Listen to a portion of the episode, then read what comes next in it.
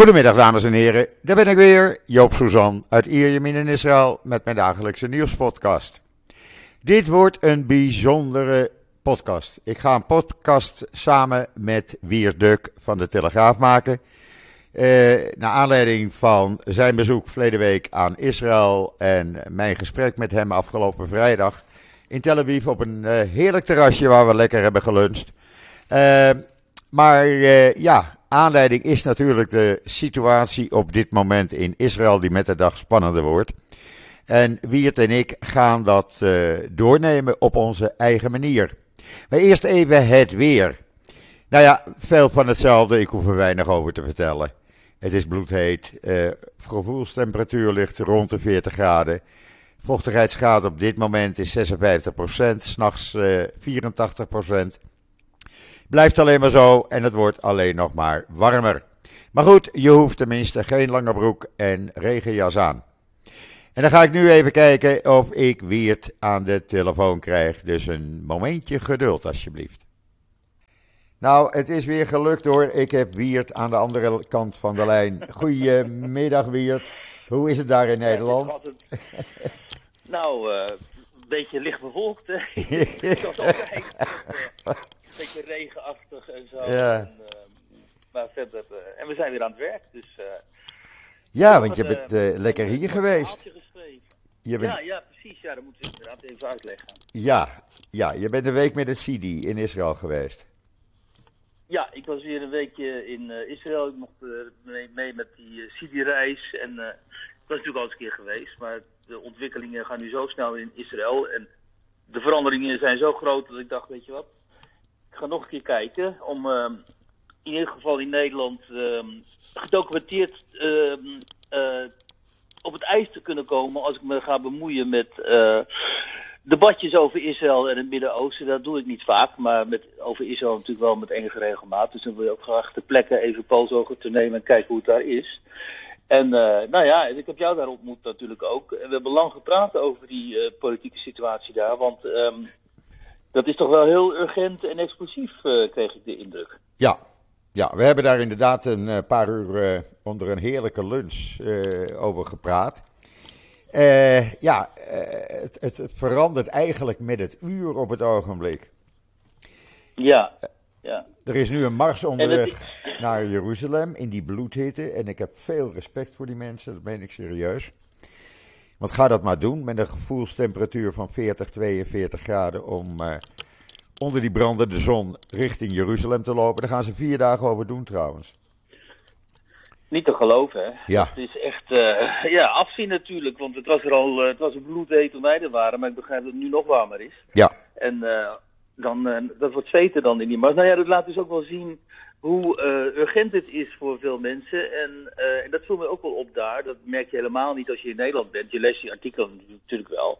Maar als je ter plekke bent, hè, dan zie je die mensen daar met de Israëlische vlag rondlopen. En met, op de fiets en zo. En die gaan naar die demonstraties waar jij ook uh, aan deelneemt. En dan Ja. merk je opeens van, oh, weet je, hier is echt iets gaande. En dan interessant ook dat het dus niet per se om het Israëlisch-Arabisch conflict gaat, of Israëlisch-Palestijns conflict, maar dat het om een interne kwestie gaat. Een politieke kwestie die kennelijk zo hoog oploopt dat mensen die wij spraken, en dat zijn echt ook hoge oud-veiligheidsexperts, nou je weet hoe het gaat, dan kan je gewoon toppers spreken van buitenlandse zaken en de manier die in de Nationale Veiligheidsraad had gezeten en zo. En die zeggen dan op een gegeven moment zelfs van joh, uh, ik vrees voor een burgeroorlogachtig scenario. Ja, dat is dan wel schrikken, want als het tot echt, kijk, als het tot echt ge interne uh, gewelddadigheden zouden komen tussen Israëli's onderling, dan grijpen die uh, Hezbollah en Iran en zo, die grijpen natuurlijk hun kansen. Die denken dan ook, hey, verzwakt de Joodse staat. Nu is onze kans om daar um, op in te spelen. Dus um, het is toch een beetje spelen met vuur, wat, wat uh, heb ik de indruk, wat daar politiek gebeurt. Ja, het is hoofdzakelijk de invloed van extreem rechts en ultra-orthodox. Uh, extreem rechts heeft het voortouw genomen. Die, die zit echt uh, te drukken om te zorgen dat volgende week, de 30 juli, op Tisha B'Av, nota bene, dat die wet er doorheen is.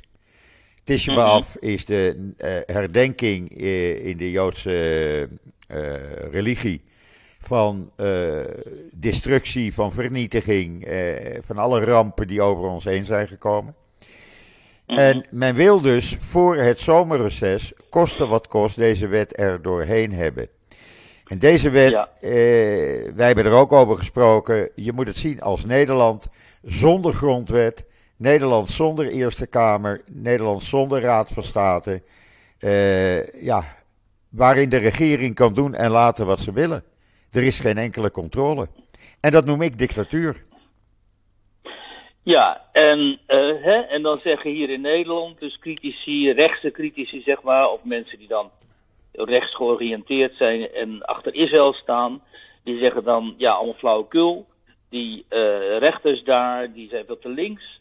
Dat zijn de typische D66-rechters. En Netanyahu, van wie dit voorstel komt, die wil gewoon de balans herstellen, zodat hij uh, besluiten kan nemen die niet langer door dat Hoge Rechtshof uh, bijvoorbeeld worden tegengehouden.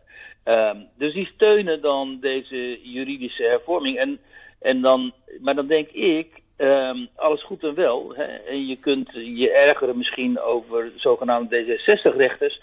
Dat doe ik ook op, op het moment dat hier in Nederland bijvoorbeeld de rechter op basis van de hè, verdrag voor de rechten van de mensen een urgenda-vonnis eh, veld. Waardoor de regering opeens veel sneller allerlei milieumaatregelen moet doorvoeren en zo. En als Johan Vollebroek weer naar rechter stapt, die hem wel willend oor verleent, waardoor Vollebroek weer allerlei eisen kan uh, formuleren en hen zo ook doorgevoerd kan krijgen. Maar in dit geval, in Israël, eh, wat ik begrijp uit al die gesprekken, is het toch wel fundamenteel anders, omdat hier elk controlerend mechanisme op die regering wegvalt. Uh, en dit inderdaad een regering is waarin ultra-orthodoxe en ook echt ultra-rechts, met ook dubieuze figuren, uh, de boventoon uh, voert. En Israël is al zo gepolariseerd hè, tussen uh, fundamenteel religieuzen en de seculieren die dan vooral daar in Tel Aviv op straat rondlopen en demonstreren. en dit is natuurlijk olie op het vuur. Althans, zo, die, dat, die indruk kreeg ik. Maar um, er zijn ook mensen die zeggen, valt allemaal wel mee. Soep wordt nooit zo heet gegeten als die wordt opgediend in Israël. Hè. Het is sowieso een beetje een explosieve situatie altijd. Maar um, ja, ik kreeg toch wel hele zorgelijke. Uh, een zorgelijke in, bezorgd, het maakt toch wel een zorgelijke indruk op mij, moet ik zeggen. Ja, absoluut. Is het ook. Ik bedoel, als je nou kijkt dat vanmorgen werd aangekondigd dat de minister van Financiën, de ex, rechtsextremistische Smotrich, heeft besloten een hulpprogramma van miljoenen, tientallen miljoenen shekels voor de Arabische gemeenschap stop te zetten en dat geld over te hevelen naar ultra-orthodoxe yeshivas, dat zegt genoeg natuurlijk. Oh ja, ja, ah, ja, ja dat, hè. dat is ook um, zo naar. Er zit um, gewoon ook een racistisch element in. Hè? En um, als je al te maken hebt met de Arabische minderheid, die, waarvan je zou willen, denk ik, dat die integreert in zo'n Joodse staat en een soort van loyaliteit ontwikkelt aan, aan, Israël. Um, hè, waarvan altijd maar de vraag is natuurlijk hoe groot die loyaliteit is. Want als je op de Westbank komt en je spreekt met die Palestijnse jongeren daar. Ja, een groot deel daarvan is toch wel echt radicaal. Uh, ook anti-Israël, maar ja, ook de anti-Palestijnse autoriteit, omdat ze die zo corrupt vinden en zo. Dus die zitten sowieso totaal in limbo, die jongeren daar. Hè. Die weten niet meer waar hun loyaliteit ligt. Dus, dus ligt die dan maar uiteindelijk toch bij de radicalere groepen die ook geweld niet schroeven. Maar ja, als je die nog enigszins zou willen bereiken, dan moet je naar de gematigde krachten binnen die, binnen die gemeenschap in ieder geval je hand reiken, lijkt mij. En als je die ook nog eens een keer van je gaat vervreemden, omdat je eigenlijk wil dat alle Arabieren verdwijnen uit de Joodse staat, want daar komt het volgens mij op neer, ja, dan, dan creëer je een nog groter uh, veiligheidsprobleem ook volgens mij. Hè? Ja. Um, uh, maar dat maakt het dus niet uit kennelijk, omdat ze vinden dat dit land van hun is en dat vreemden daar niet welkom zijn. En um, dan ga je maar op deze manier die, ook die Arabieren treiteren, waardoor ze misschien zelf besluiten om weg te trekken, ik weet het niet. Maar het lijkt me allemaal zo onverstandig, weet je wel. Je leeft zo, je balanceert sowieso altijd op een soort uh, dunne draad. Je hebt altijd te maken met die afweging tussen uh, veiligheidsmaatregelen die je moet nemen en aan de andere kant niet um, die Arabische gemeenschap die ook groeit natuurlijk van je, van je vervreemden. En dan doe je dit, hè. En um, en dan, um, is die ultra-orthodoxe gemeenschap ook nog eens groeiende. Hè? Met zes kinderen gemiddeld per gezin. Ja, dat is, hoe is dat, wordt dat nog houdbaar over 10, 15 jaar, joh? Want hè, ze hebben dat moet jij maar uitleggen, ze hebben ook nog al, al die voordelen. Hè? Ze hoeven niet in het leger. Um, die mannen die werken niet en zo. Ontzettend veel subsidies vanuit de overheid. Dat is toch allemaal niet, niet um, duurzaam, zoals het tegenwoordig heet. Als die, hè? Nee. Dus hoe zie jij dat, Joop? Wat gaat er gebeuren, joh, daar met nou, dit... de gemeenschap ook? Wat...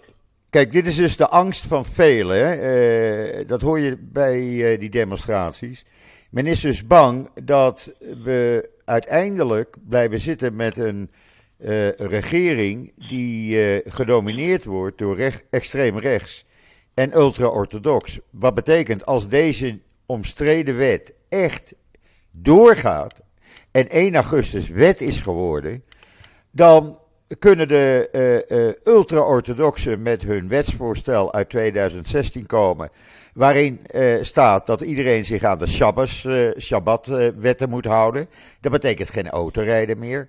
We zien het nu al bij de afhandeling van al die criminele moorden, eh, die clanmoorden en onderwereldmoorden binnen de Arabische gemeenschap, dat Ben daar helemaal geen eh, prioriteit aan geeft als minister van eh, Nationale Veiligheid. Daar wordt geen extra politie-inzet uh, naar die Arabische gebieden gebracht. Ik krijg sterk de indruk dat hij daar wel blij mee is. En dan krijg je die mhm. invloed die natuurlijk steeds groter wordt. En als er meer yeshiva-studenten komen, en ik heb niks tegen yeshiva-studenten, absoluut niet. Uh, iedereen moet zijn of haar leven leiden zoals ze willen. Maar dan moet je wel zorgen dat je ook wat geld in het laadje brengt. En als er nu al miljarden zijn toegezegd aan die uh, yeshiva's. En er wordt nu geld weggehaald wat bestemd was voor de Arabische gemeenschap om die economisch te ontwikkelen uh, binnen Israël.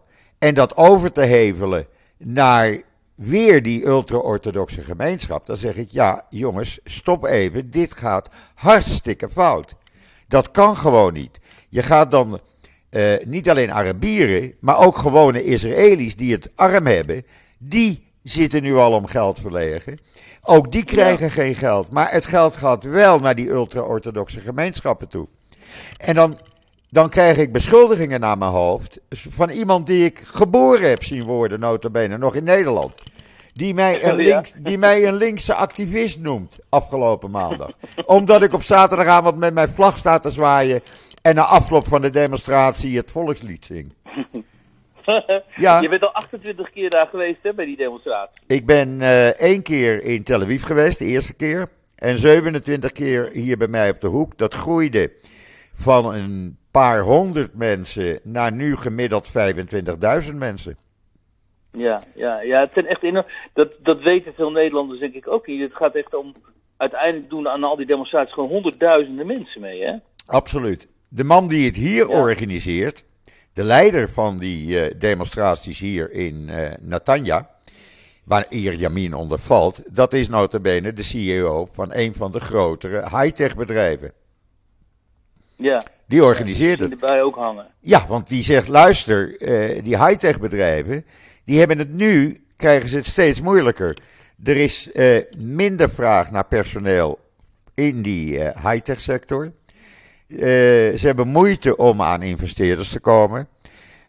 Steeds meer buitenlandse high-tech bedrijven die zeggen: jongens, bekijken jullie het maar. Wij gaan weg uit Israël. dat betekent ja. banenverlies. Het betekent dat ja. mensen op een gegeven ogenblik Israël gaan verlaten. En dat zijn juist de mensen die je nodig hebt om die high-tech sector bijvoorbeeld te, te ontwikkelen, verder te ontwikkelen. Er zit hier een maar enorm... jij krijgt daar ook wel mee in dat gesprek met mij, dat je Israël zou verlaten als dit er doorheen komt. Ik heb een besluit genomen, ik heb dat afgelopen zondag ook publiekelijk aangekondigd. Mocht die, deze wet erdoor gaan, dan zal ik met heel veel pijn in mijn hart en heel veel verdriet uh, in december uh, het land gaan verlaten. Nou, dat is een heftig besluit, want als, als jij en dat doet en de anderen doen dat ook, dan verliest uh, Israël natuurlijk ook die tegenstem voor een deel. Ja, maar wie wil er nu vrijwillig onder een dictatuur leven? Ja, en hoe zie je dat dan? Dat is dan de dictatuur, de, de dictatuur van Bibi Netanyahu, die, zo hè, zeggen mensen, juist deze situatie gebruikt eigenlijk om te vermijden dat hij gearresteerd zou worden vanwege corruptie. Hè? Daar komt het op neer. Ja, ja. Nou ja, kijk, als er geen controlerend orgaan voor, uh, naar de regering toe is, dan kan een regering besluiten nemen, wetten maken, wat ze maar willen. En daar hebben ze Mhm. alleen maar een meerderheid in de Knesset voor nodig, 60 plus 1. Deze coalitie heeft een meerderheid van 64 stemmen. Dat betekent dat elke wet die zij maken gewoon doorgaat. Maar stel nou, er komt een nieuwe coalitie, dus eh, zeg maar een centrum-linkse coalitie. Die, die zou dan ook van die nieuwe situatie gebruik kunnen maken. In principe wel, maar die hebben aangekondigd dat, dat het eerste wat ze gaan doen is al die wetten eh, weer eh, weggooien. Terugdraaien. Terugdraaien. Ja. Ja. Ja, ja, ja. Ja. Je ziet nu ook Trump trouwens. Hè? De, Donald Trump die loopt met soortgelijke plannen rond in de Verenigde Staten. Als hij eh, president weer zou worden om dan eh, die onafhankelijke zeg maar, eh, lichamen dan meer onder de federale controle te krijgen. Althans onder controle van de, van de president. Dus Ja. ja. ja, je ziet die ontwikkeling natuurlijk overal in de westerse wereld. Ehm, hè? En ehm, het is denk ik juist voor mensen die niet per se progressief links zijn, maar misschien juist wat conservatiever, ge- gematigd religie- religieus misschien ook wel, is het nu waarschijnlijk tijd om hun stem te verheffen. Te laten zeggen, jongens, eh, dit is natuurlijk niet de bedoeling. Hè? Ik bedoel, je kunt een conservatief beleid voorstaan en, en nationale grenzen in, hier in Europa bijvoorbeeld, een minder immigratie, minder EU en zo. Maar het is niet de bedoeling dat je de rechtsstaat gaat ondermijnen natuurlijk. Hè? Dat, dat is het slechte wat er kan gebeuren. En ehm, eh, dus dat zouden mensen eh, aan, aan die kant van het politieke spectrum, die zouden dit moeten constateren, denk ik, en hun stem moeten laten horen. Omdat eh, eh, anders gaan die ontwikkelingen zo snel. En wat betekent dit nou? Hè? Want we waren ook in, op de Westbank natuurlijk, hebben we met Palestijnen gesproken daar. En die zien ook dat ehm, zelfs iemand van Fatah was echt heel erg grappig. Die zei van ja, weet je, wij weten niet eens met wie we praten. Want die regeringen in, Nederland, of in Israël, die vallen om de havenklap. En nu Ja. zijn ze intern met elkaar aan het bakkeleien. Dus ehm, eh, dat, hè, en, eh, terwijl wij zijn wel stabiel, zegt hij. Ja, Ja. Dat was zo grappig. Ja. Want zij zijn alleen maar stabiel omdat ze geen, geen verkiezingen houden. Hè? Nee, Dus die precies. man die moest blijkbaar helemaal niks van democratie hebben. Van, dat is net als de Russen, die heeft, eh, ja, democratie is chaos. Hè? En wij staan voor stabiliteit, weet je wel. Ja. En, eh, maar ja, goed, dat is hun perceptie dan van wat er in Israël gaande is. Nou, kijk, het hele, het hele draaiboek, dat wordt steeds duidelijker, van Netanyahu, is gebaseerd op eh, Hongarije. Die situatie wil hij hebben. Ja. Ja, Nou, we hebben het nu gezien Ja. gisteren. Er is een besluit genomen door deze regering. Waarbij de rabbijnse rechtbanken eh, ook bevoegdheid krijgen te beslissen over bijvoorbeeld eh, zaken aangaande kinderen en kinderalimentatie. Dat betekent dat dat altijd in het voordeel van, een, van de man zal zijn. En vrouwen Ja. weer Ja. teruggezet worden, weer minder rechten Ja. krijgen. Nou, dat kan toch gewoon niet? Kom op zeg. We Nee, leven... en ik neem ook aan dat hè, de LGTB tot en met QZ en zo rechten, die worden natuurlijk ook aangepakt. Want eh, hè, dat, daar, hebben ze natuurlijk ook weinig mee op, neem ik aan. En dus al die minderheden, kijk, mensen vergeten vaak, hè, ook in Nederland. Die denken democratie is een soort dictatuur van de meerderheid. Maar democratie is nu juist meerderheid die zijn minderheden beschermt. Precies. En eh, dat gebeurt in Nederland dus al slecht, hè, vind ik. Omdat bijvoorbeeld eh, de conservatieve minderheid, of die, dat is misschien niet eens een minderheid, die is vrij groot, maar die wordt natuurlijk op alle kanten, aan alle kanten gewoon aangevallen en er wordt op ingehakt. Hè, in de media, maar ook in de politiek. Hè, de, columnisten die zo'n minderheid dan gewoon wegzetten als eh dom rechts en zo, noem maar op. Ehm, eh, dus dat wordt vaak vergeten. Het wordt nu in Israël natuurlijk helemaal vergeten dan. Ja. En ehm, ja, dat, dat, dat zijn hele bedenkelijke... Mensen moeten dat begrijpen, weet je wel. Dat, dat hele bedenkelijke... Democratie is niet eenvoudig. Democratie is heel veel gedoe. Uh, juist daarom ook, omdat je minderheden moet horen, omdat je minderheden aan het woord moet, kunnen laten. En die moeten af en toe ook eens een keer gewoon aan de macht kunnen komen ook. Hè? Die moeten ook het land kunnen besturen en zo. En het rare is juist dat wij altijd dachten, althans wij, maar ik, ik denk veel mensen in het Westen, dat uh, is het enige democratie in het Midden-Oosten, uh, dat zo goed deed, omdat het palet aan meningen daar belachelijk uitgebreid is. En een soort uitgestrekt opinielandschap waarin iedereen een grote mond heeft. Want Joden zijn vanuit hun traditie gewoon enorm mondig Ja. en talig en laten zich horen en zo. En die gaan elkaar dan half te lijf in de knesset. Maar uiteindelijk functioneerde die democratie altijd weer. En dat was zo bewonderenswaardig en zo ja, bijzonder ook. En als dat nu dus voor onze ogen, onder onze ogen wordt um, uh, afgekneld. Hè? En als die mee, dat hele meningenpalet minder, minder wordt en minder geaccepteerd wordt. Ja, dat, dat, dat is heel treurig. Maar goed, ik, weet je, ik ben er maar even geweest en ik kreeg ook. Ik had even contact met Leon de Winter en die zei ook van ja, weet je, je moet wel ook die en die mensen spreken en zo. Dus ik heb wel de indruk. Ik denk dat hij de indruk had dat ik een wat. Um, een wat uh, gekleurde.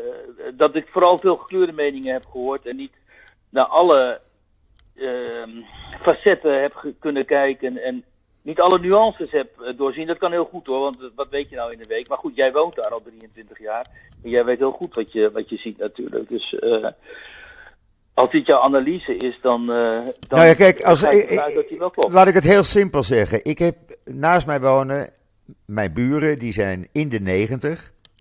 Dat waren fervente, fervente Likud-stemmers. Ja, dat is de conservatieve partij van uh, Netanyahu. Hè? Ja, ja. Die zeiden een paar maanden geleden tegen mij: uh, Je loopt hier makkelijk met, bij elkaar naar binnen. Kwamen ze bij mij naar binnen. Joop, als jij naar die uh, demonstratie gaat, kan je een vlag en twee t-shirts voor ons meenemen? Nou, dat, nou, zegt, dat zegt wel heel veel. dat zegt al heel veel. Ja. En toen ben ik met ze gaan praten Ja. en toen zeiden ze: luister, wij zijn hierop tegen. Wij, wij kunnen dit niet aanzien. Hiervoor hebben wij het land niet opgebouwd. Mhm. En de vrouw komt uit eh, Tunesië. Eh, is van Tunesische afkomst, Tunesische Jood. En de man is een Egyptische Jood. Mhm. Ja. Maar weet je, het is natuurlijk ook bijna geen doen. Hè? En dat merk je ook als je daar rondloopt. Dat enorme aantal mensen met heel verschillende achtergronden. Ja. Uh, van wie een groot aantal dan toch Joods is. Maar ja, het is nogal een verschil of je uit Frankrijk komt als Jood of uit um, uh, Wit-Rusland als Jood. Hè? Of dat je gewoon ultra-orthodox bent of seculier. Kijk, op een gegeven moment, ook zo grappig, dan, dan zijn we op de Westbeek bij van die kolonisten. Hè? Ja, daar zijn er ook veel te veel van daar natuurlijk. Weet je, dat kan, dat kan ook helemaal niet. En dan staat er zo'n man voor ons te praten. Die heeft dan zo'n zo'n zo'n farm daar. Het lijkt net het um, Wilde Westen daar. Met um, ja, spijkerbroek, t-shirt. En achter in zijn, um, in zijn broek heeft hij dan zijn vuurwapen. Hè? Ja.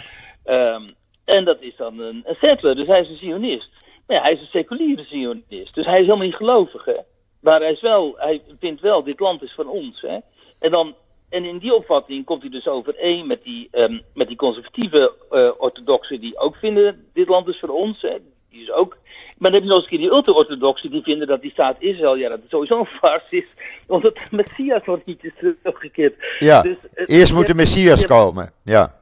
Eerst moet de Messias ja. komen. Ja. Het is echt, en dat, dat is ook zo opzienbarend dat je daar rondloopt dat al die geloven daar het, hun eigen land hebben. Ja, maar het functioneert. Het, het functioneerde al die jaren goed. En je moet niet ja, vergeten, is, ja. Israël is een hele open maatschappij. Iedereen weet alles van elkaar. Ja, je kan Ja. hier niets geheim houden. Als er in de politiek iemand een scheet laat, bij wijze van spreken, dan is dat meteen overal bekend. Dan komt dat zelfs op televisie. Ja, Ja, je kan niets geheim houden hier. Dat is anders dan in Nederland, waarin men graag dingen onder het vloerkleed eh eh, zwiept. Maar dat kan hier niet eens, want we hebben geen vloerkleden, we hebben stenen vloeren.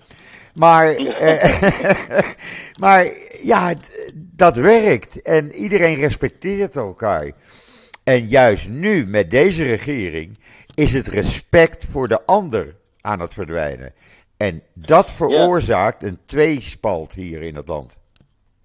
Ja, maar dat is dus ehm, eh, niet uniek uh, Israëlisch. Dat is wat in, het, in veel westerse landen natuurlijk ook gebeurt. Ook in Nederland met die polarisatie. Al helemaal natuurlijk in de Verenigde Staten zien we dat. Het is toch een, een, een, een trend die kennelijk universeel is.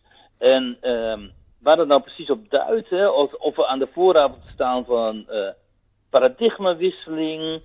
Ehm, dat is moeilijk, moeilijk te, te begrijpen, alleen het is wel heel duidelijk zichtbaar. Ja. En ik hey, in Zuid-Afrika bijvoorbeeld, waar ik veel contact mee heb, zie je het ook. En ik heb wel de indruk dat we eerst door misschien wel een clash moeten.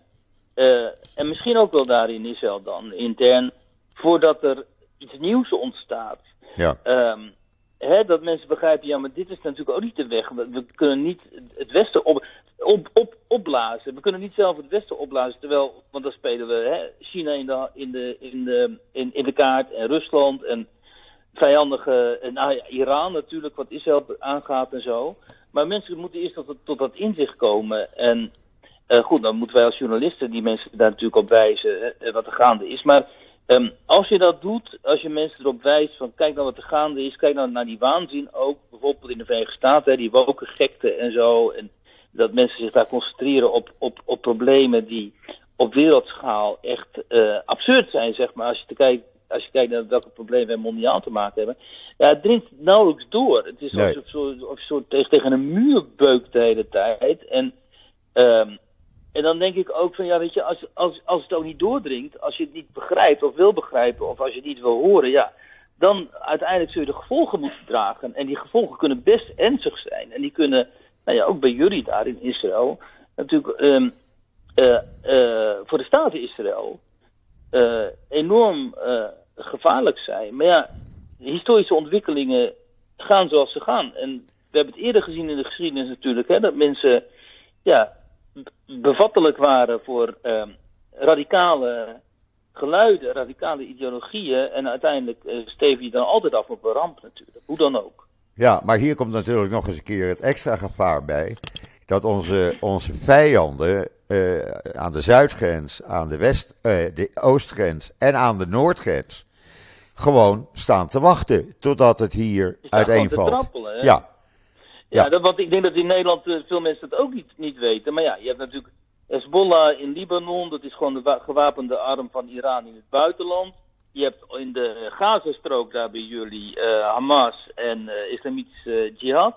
En dan heb je op de Westbank inmiddels, een, een, nou, is Fatah nog de, gemiddelde, de, de meest gematigde partij geloof ik. Je hebt daar in Jenin en Nablus gewoon gewapende halve terreurgroepen die daar dienst uitmaken. Lions Den. Lions Den. Ja. ja. Nou ja, joh. Dan ben je toch uh, enorm in de. Ja, echt. Als je dat om je heen hebt. Uh, ja. En je gaat ondertussen. Stel, je, dat is, stel dat ligt rond je huis klaar om aan te vallen. En jij gaat in je gezin, in je huis ruzie maken en, en, en elkaar de tent uitvechten. Terwijl die, die vijanden gewapend uh, op de loer liggen. Ja, waar ben je dan mee bezig, uh, vraag ik me af. Ja, maar dat is hier aan de hand. Hè? Want deze mensen, eh, dat zal, je ook vanmiddag, eh, eind van de middag in die verklaring lezen. Deze mensen zeggen, wij hebben heel ons leven met hart en ziel het land verdedigd. Ja? Wij gaan geen ja. dictatuur dienen. Maar we zullen wel de dictatuur gaan bevechten. Ja. Ja. Ja, nou, dat is ook een dreigement. Ja, absoluut. Ja. En dan zeggen, ja. de, dan zeggen een paar van, uh, van die Likud-Knessetleden en extreemrechtse Knessetleden... Weet je wat, we moeten een van die leiders van die uh, uh, demonstrerende groeperingen oppakken... En dat zal, uh, het makkelijkste is dan Ehud Barak, de voormalig premier. Omdat die ooit, oh. ja, die heeft ooit de uitspraak gedaan, en alweer een hele tijd terug, dat hij voorstander zou zijn van een geweldloze burgerlijke opstand. Oh ja, ja. Dus pak hem maar op. Pak hem maar op. Ja. Pak hem maar op.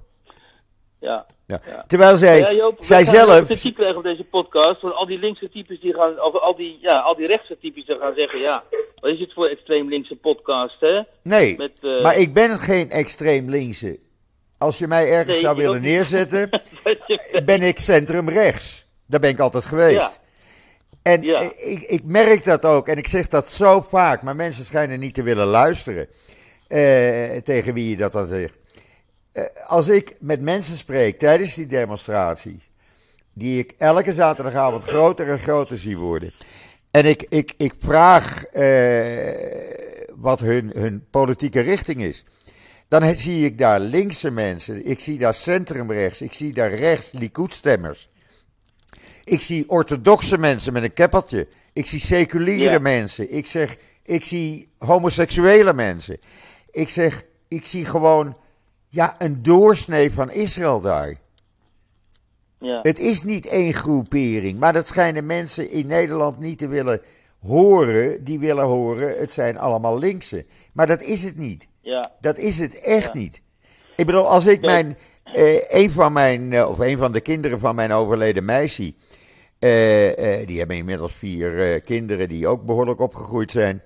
En hij is getrouwd met een Belgische. En die, zijn, ja, die, die zijn fanatiek aan het demonstreren. En die heb ik Mhm. altijd als behoorlijk rechts gezien. En dat zijn ze nog, Ja. zeggen ze. Alleen zeggen ze, Ja. wij willen niet dat onze kinderen in een Israël komen, geregeerd door kolonisten en ultra-orthodoxen. Want daar laten wij Nee. onze kinderen niet in, in eh, opgroeien. Nee, nou ja, wat mij betreft eh, hebben ze dan groot gelijk. Want het lijkt me inderdaad een eh, horror scenario als je daarin zou moeten leven. Ja? En ehm, weet je, het is natuurlijk ook gewoon los daarvan. Kun je ook altijd zeggen, maar luister eens, het is nooit goed als een democratie ehm, veel te lang wordt gegijzeld uiteindelijk door één iemand. En in het geval van Israël is het Netanyahu. Net zoals bij ons eh, dat het geval is geweest met Mark Rutte. Die had natuurlijk Ja. twee termijnen weg moeten gaan. En je ziet die derde termijn is een eh, absolute ramp geworden. En nog groter dan die eerste eh, twee. En dat is altijd zo. Mensen gaan blijven te lang hangen. Ze, het, ze, ze maken het land afhankelijk van, van hun persoon. ja. Ze gijzelen bijna de publieke opinie.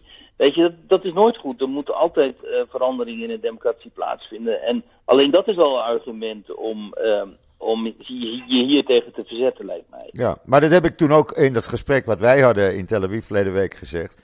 Netanyahu heeft heel veel goeds voor het land gedaan, absoluut. Dat kan niemand ontkennen en dat is gewoon zo. Tot 2019, toen die corruptie naar buiten kwam, waarvan hij beschuldigd werd. Ja, en dan wordt het een andere zaak natuurlijk.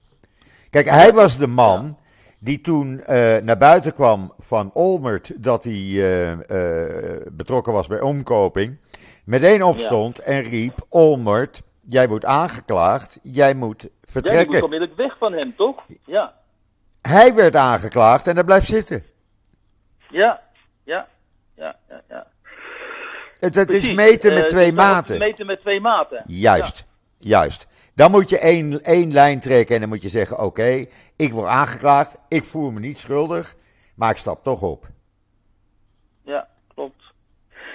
Hoe gaat dit dan aflopen, Joop? Ik heb geen idee. Ik durf niet. Ik kreeg vanmorgen al twee keer diezelfde vraag. Hoe gaat dit aflopen? Nou ja, weet je, ik durf het niet te zeggen. Met die, in die gesprekken met die veiligheidsmensen vroeg ik steeds van ja, luister jongens, eh, alles goed en wel, maar de Verenigde Staten gaan dit natuurlijk helemaal niet accepteren. Want voor hen betekent dit ook een veiligheidsrisico. En Ja. als Israël instabiel wordt, dan, dan hebben zij een probleem met Iran. Dus eh, er moet op dit moment vanuit eh, Amerika enorme druk worden uitgeoefend. Ook op Netanyahu en op het hele eh Israëlische establishment. Ja. Hè, zo van jongens, eh, get a grip. Maar dat is dan weer frappant, hè? Want vanmorgen kwam een, een artikel van Thomas Friedman in de New York Times naar buiten. Waarin hij zei, hij had met Biden gezeten en eh, Biden is zeer bezorgd over het voortbestaan van Israël en zeer bezorgd over Ja. wat hier gebeurt. Dat werd meteen door eh, mensen rond Netanyahu en binnen de Likud meteen ontkend. Is allemaal leugens, dat heeft Biden helemaal niet gezegd. Een paar uur later komen alle Israëlische kranten met een verklaring van Biden, waarin staat dat hij het wel heeft gezegd. Ja, ja, ja, zie je wel. Ja. Terwijl Biden, notabene, hè, die heeft ooit gezegd, schijnt het van, eh I'm a Zionist. Ja. Die, uh, die is uh, typisch zo'n vertegenwoordiger van het oude Amerikaanse establishment uh, dat Israël door dik en dun steunt. Ja. Maar goed, ook al die, die, die, die snub naar Netanyahu, dat um, het ook wel is uitgenodigd op het Witte Huis, meen ik, hè, en Netanyahu niet. Ja. althans aanvankelijk niet. Dat, dat, Nog steeds dat niet. wel veel zeggen natuurlijk. Kijk, Nog de, niet, hè? nee, de Likud zegt hij gaat. wel. De Likud gezegd hij gaat wel naar eh, het Witte Huis.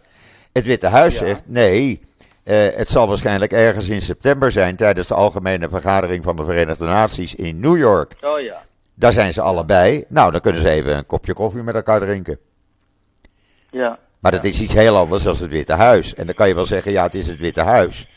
Maar eh, dat wordt gewoon ontkend. Ja. Er wordt aan alle kanten gelogen. En als ik ergens niet van hou, is het leugenaars. Daar kan ik niet tegen. Ja. Ja. Ja, echt hoor. ja. Echt. Vertel de Ja, waarheid. wat, wat ik eerder zei, hè, eh, dat de Amerika kijk, die, die, die, die Amerikaans-Joodse lobby is natuurlijk ook immens. Eh, en invloed van de Verenigde Staten op Israël is immens. En het zou toch echt wel zo zijn, denk ik dan, dat wanneer de Amerikanen zeggen, ja, dit moet stoppen. Dit kan niet op deze manier, want jullie worden een veiligheidsrisico ook voor ons. Dat, dan zal Netanyahu toch gaan luisteren, neem ik aan. Ik denk het niet. Netanyahu is, eh, zoals ik het zie, gegijzeld door extreem rechts en ultra-orthodox. En waarom gegijzeld? Als eh, zij niet doen wat hij willen en zij dreigen van dan stappen wij op, heeft hij geen regering Ja. meer. Ja. Zo simpel. eh, Ehm. ik probeer het zo simpel mogelijk te, uit te leggen. ja, Met een verzwakt eh, Europa hè, door die oorlog in Oekraïne. ja, Eh, China eh, ijzersterk. Ja. Eh, Rusland niet verslagen, gaat ook niet verslagen worden. Iran. Min of meer instabiel eh, Amerika. Hè, met het, eventueel presidentschap van, eh, nieuw presidentschap van Donald Trump. Nou, we gaan eh, interessante tijden tegemoet, Joop. Het worden hele interessante tijden die ik het liefst zou meemaken vanuit Israël. Dat ben ik serieus. Echt waar. Maar als Ja. ik op Shabbat niet meer naar mijn broer in de kibbutz kan, eh, dan zeg ik van jongens, eh, ja, dat vind ik dictatuur, klaar. Respecteer elkaar, Ja. maar geef iedereen de vrijheid zoals het tot nu toe altijd gaat. Laat iedereen doen, Ja. leven zoals hij of zij wil. Ja, en ga geen Ja. wetten opleggen waarbij je wordt beperkt.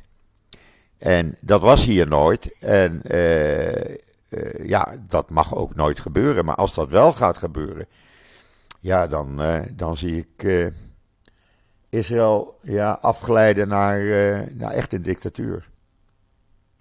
Nou ja, kijk, men heeft het dan over een Joods ehm, eh, Iran. Hè? En ehm, het zo'n vaart zal het waarschijnlijk niet lopen. Maar wat je wel ziet daar, geloof ik, dat, eh, dat was ook wel een verschil met toen ik daar eerder was. Dat is een soort orientalisering van die samenleving, denk ik. Dat je uiteindelijk bevind je toch geografisch in zo'n gebied. Eh, je hebt te maken met een aanzienlijke Arabische minderheid. En heel veel Joden natuurlijk ook afkomstig uit de Arabische wereld. En uiteindelijk eh, is Israël dan wel deels misschien een westers land. Maar voor een heel groot deel natuurlijk ook gewoon een Oriëntaals land. En dan krijg je ook eh, misschien, zeg, zeg maar, spreek maar tegen als het niet zo is. Is dit ook wel een soort van natuurlijke ontwikkeling. Dat je uiteindelijk ook je de gewoontes, de gebruiken, ook de politieke gebruiken van die regio eigen maakt. En waarin eh, hè, dit soort eh, politiek machtsvertoon natuurlijk volstrekt, als volstrekt normaal wordt gezien hè, Ja. in, in, die, in die Arabische landen. Ja. En, dan, en dat is misschien wat je nu ook ziet in eh, Israël, tot ons eh, misnoegen natuurlijk, en tot ons verdriet. Maar ja, misschien is het ook wel onontkoombaar of zo. Nou, het is een, het is een strijd tussen de Askenazische, dus de, zeg maar, Oost-Europese Joden, of Europese Joden, en de Sephardische Joden, de Joden afkomstig uit Arabische landen. Die, Ja, die groep heeft zich altijd achtergesteld gevoeld van de Askenazische Joden. En die denken dat ze nu hun kans kunnen pakken. En dat is gewoon wat er, wat er gaande is. Ja, ja. Dan heb je ook nog eens een keer te maken met die enorme groep eh, uit de voormalige Sovjet-Unie, hè, Ja. de Joden. Waarvan een deel toch ook, want ik hoorde daar zoveel Russisch op straat. Ik heb nog met, eh, ook zo'n mooie anekdote, misschien wel leuk voor onze luisteraars ook. Weet je, dan zit je op het terrasje in eh, Jeruzalem. En schuiven twee oudere dames aan met van dat uh, paarse haar, zo'n mislukte haarkleuring en zo. En echt, echt ouder. En je ziet gewoon zwaar gebruind, ook door de zon. En, dus, en ik hoorde dat ze Russisch spraken. Dus ik begon even een praatje met hun. Blijkt die ene mevrouw uit Tashkent te komen, Turkmenistan, Oezbekistan. En is ooit dan daar geëmigreerd naar, naar Rusland, of naar Israël. En die had een vriendin op bezoek die was uh, Tajik uit Turkmenistan. en en, uh, dus die was even een maandje daar op, op bezoek. En die andere dame was al bij haar in Turkmenistan geweest en zo. En hun lingua franca is dan niet het Hebreeuws, maar het Russisch. Hè? Ja. En dan denk ik, ja, weet je, dit is zo ontzettend interessant. Want die zijn dus totaal gesovjetiseerd. Hun hele socialisering is gewoon Sovjet-Unie. Dat straalt het ook uit. Dat merk ik ook in het Russisch dat ze spreken en zo. Uh, en ze vinden elkaar dan weer daar in, in, uh, in uh, Israël. Ja. ja. Dat soort dames, die moeten dan ook uiteindelijk leven in één, één gemeenschap. Met Joden uit Nederland, zoals jij, en, en uit Frankrijk en zo. Hè, wat Ja. een totale andere socialisering inhoudt. En vind dan maar eens één opje jaziek, zoals de Russen zeggen, één gemeenschappelijke taal.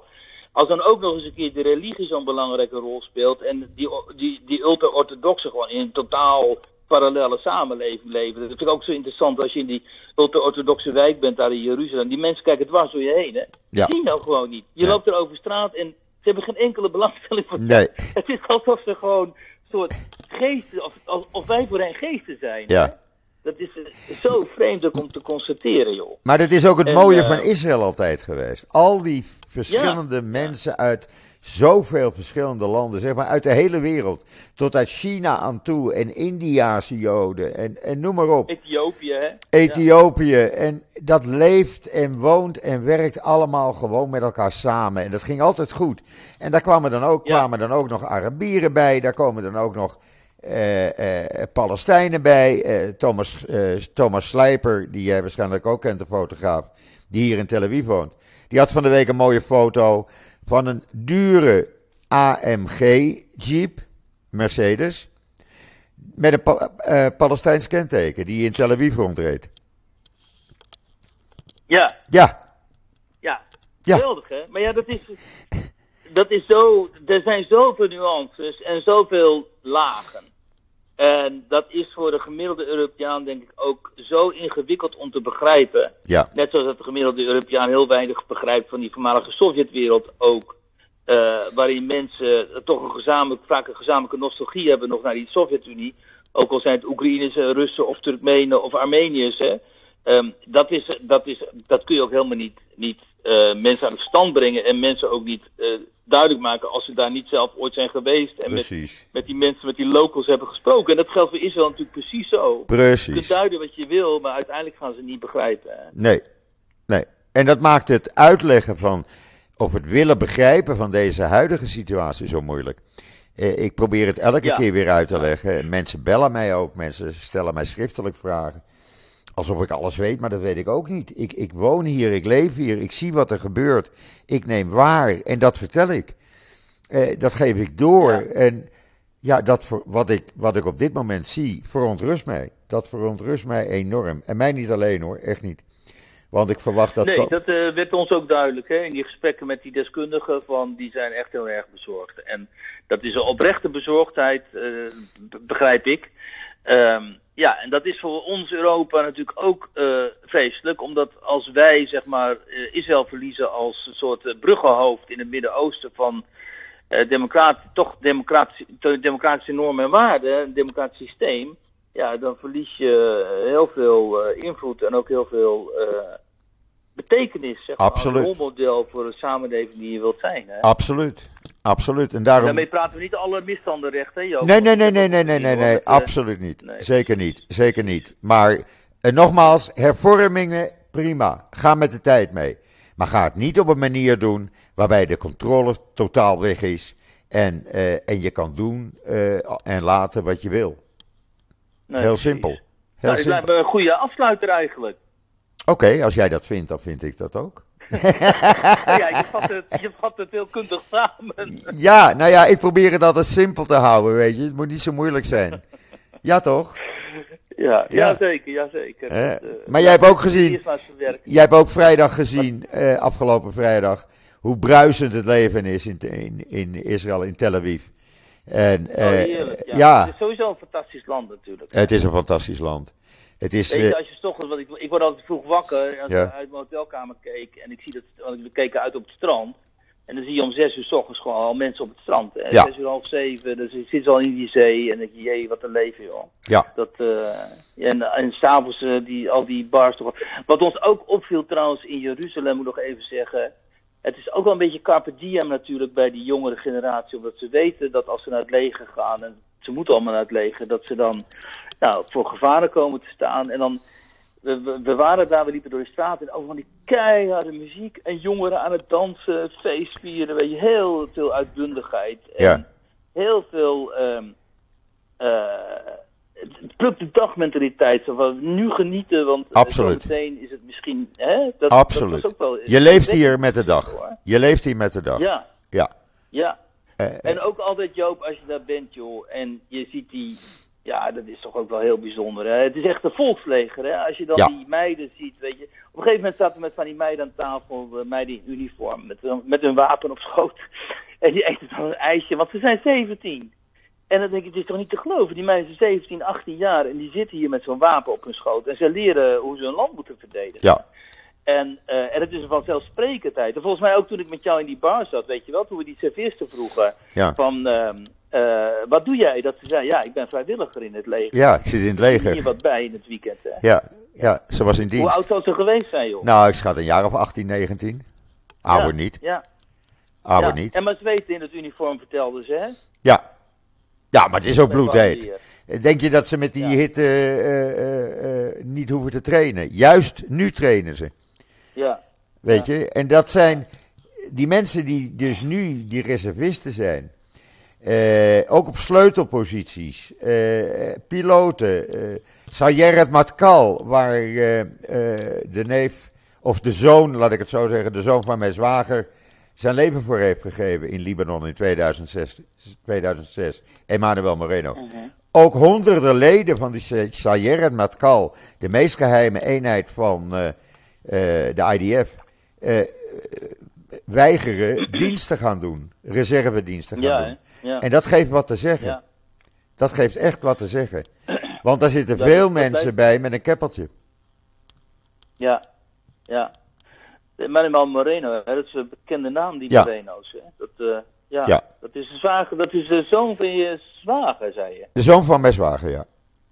Ja. Ja. Oh. Ik heb dit weekend nog even Valley of Tears gezien. Bij HBO Max heb je dat hier. Ja, Het gaat over de Yom Kippur-oorlog. ja, En dan zie je dus ook al die levens van die jonge Israëli's destijds. Hoe die, eh, ja, Golan dan eh, in dit geval. ja. Israël verdedigde tegenover Syrië en in de Sinai tegen Egypte. Eh, een land dat door zoveel oorlogen is gegaan. Het zijn allemaal overlevingsoorlogen ook telkens. Hè? Want Ja. voor je het weet staan die vijandelijke legers in Jeruzalem sowieso. En, en in Tel Aviv.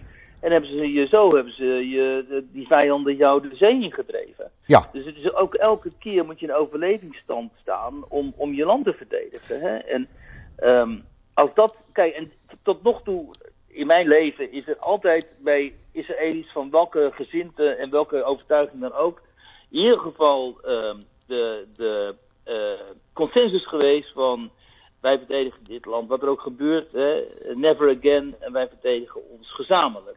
Ja, Ehm, en als die consensus onder druk staat. Ik, ik, neem niet aan dat de consensus over nationale veiligheid onder druk staat. Maar wel als je elkaar de tent uitvecht. heb je minder oog voor nationale veiligheid natuurlijk. En eh, dat maakt het allemaal zo eh, fascinerend en eh, zorgwekkend, denk ik. Hè? Nou ja, kijk wat ik ook tegen jou zei. In Israël, never a dull moment. Elke minuut is er wat Ja. anders. Elke minuut gebeurt er wat. Ja. Je hoeft je niet te vervelen, wat dat betreft. Nee. Eh, dat maakt het, eh, het leven ook zo mooi hier, vind ik persoonlijk. Maar dat is mijn persoonlijk gevoel. Het, eh, het verveelt nooit. Eh, nee, het altijd onder een soort van spanning natuurlijk. Ja, je weet nooit wat er morgen weer gebeurt. En deze dagen zijn natuurlijk enorm spannend, want het gaat om het voortbestaan van de staat Israël in de huidige vorm. Dus ja, Ja, dat maakt het extra, extra enerverend. Ja. Dus, maar ik, ik blijf geloven dat er iets gebeurt in de komende dagen. Gek hè? We gaan het zien, Joop. Ik hoor deze on- podcast maar snel online als aankondiging eh, daarvan. Ja, Dan eh, kunnen mensen ieder geval een beetje, hebben ze hier een beetje achtergrond eh, voor het moment dat er wat gebeurt daar in Israël. ja, precies. Ik hoop dat het eh, veel duidelijk heeft gemaakt. Wiert, ik, Nou, vond het weer, voor dit gesprek, Joop. ik vond het weer gezellig met jou. Dat vond ik echt weer leuk. Ik vond gezellig. het ook leuk. Ja, ja. En dat twee keer, elkaar spreken. en dat twee keer binnen een week. Nou, wat een luxe. Mooi hè? ja. hey Wim, gaat je goed. Bedankt. We houden contact, Joop. Doen we. Groetjes. Ai ai. Hoi, hoi. Ja, dat was, eh, ik hoop, eh, een, eh, een leuk gesprek, mooi gesprek met Wiert. Morgen gaat Joop de keukentafel weer eh, schoonmaken, want dan zit Esther weer aan de keukentafel. Esther Voet van het NIW. Dus eh, bereid je daar maar weer op voor. Dan, eh, ja, zeg ik zoals altijd, ik wens iedereen een fijne voortzetting van deze woensdag. Ik ben er morgen weer en zeg zoals altijd, tot ziens, tot morgen.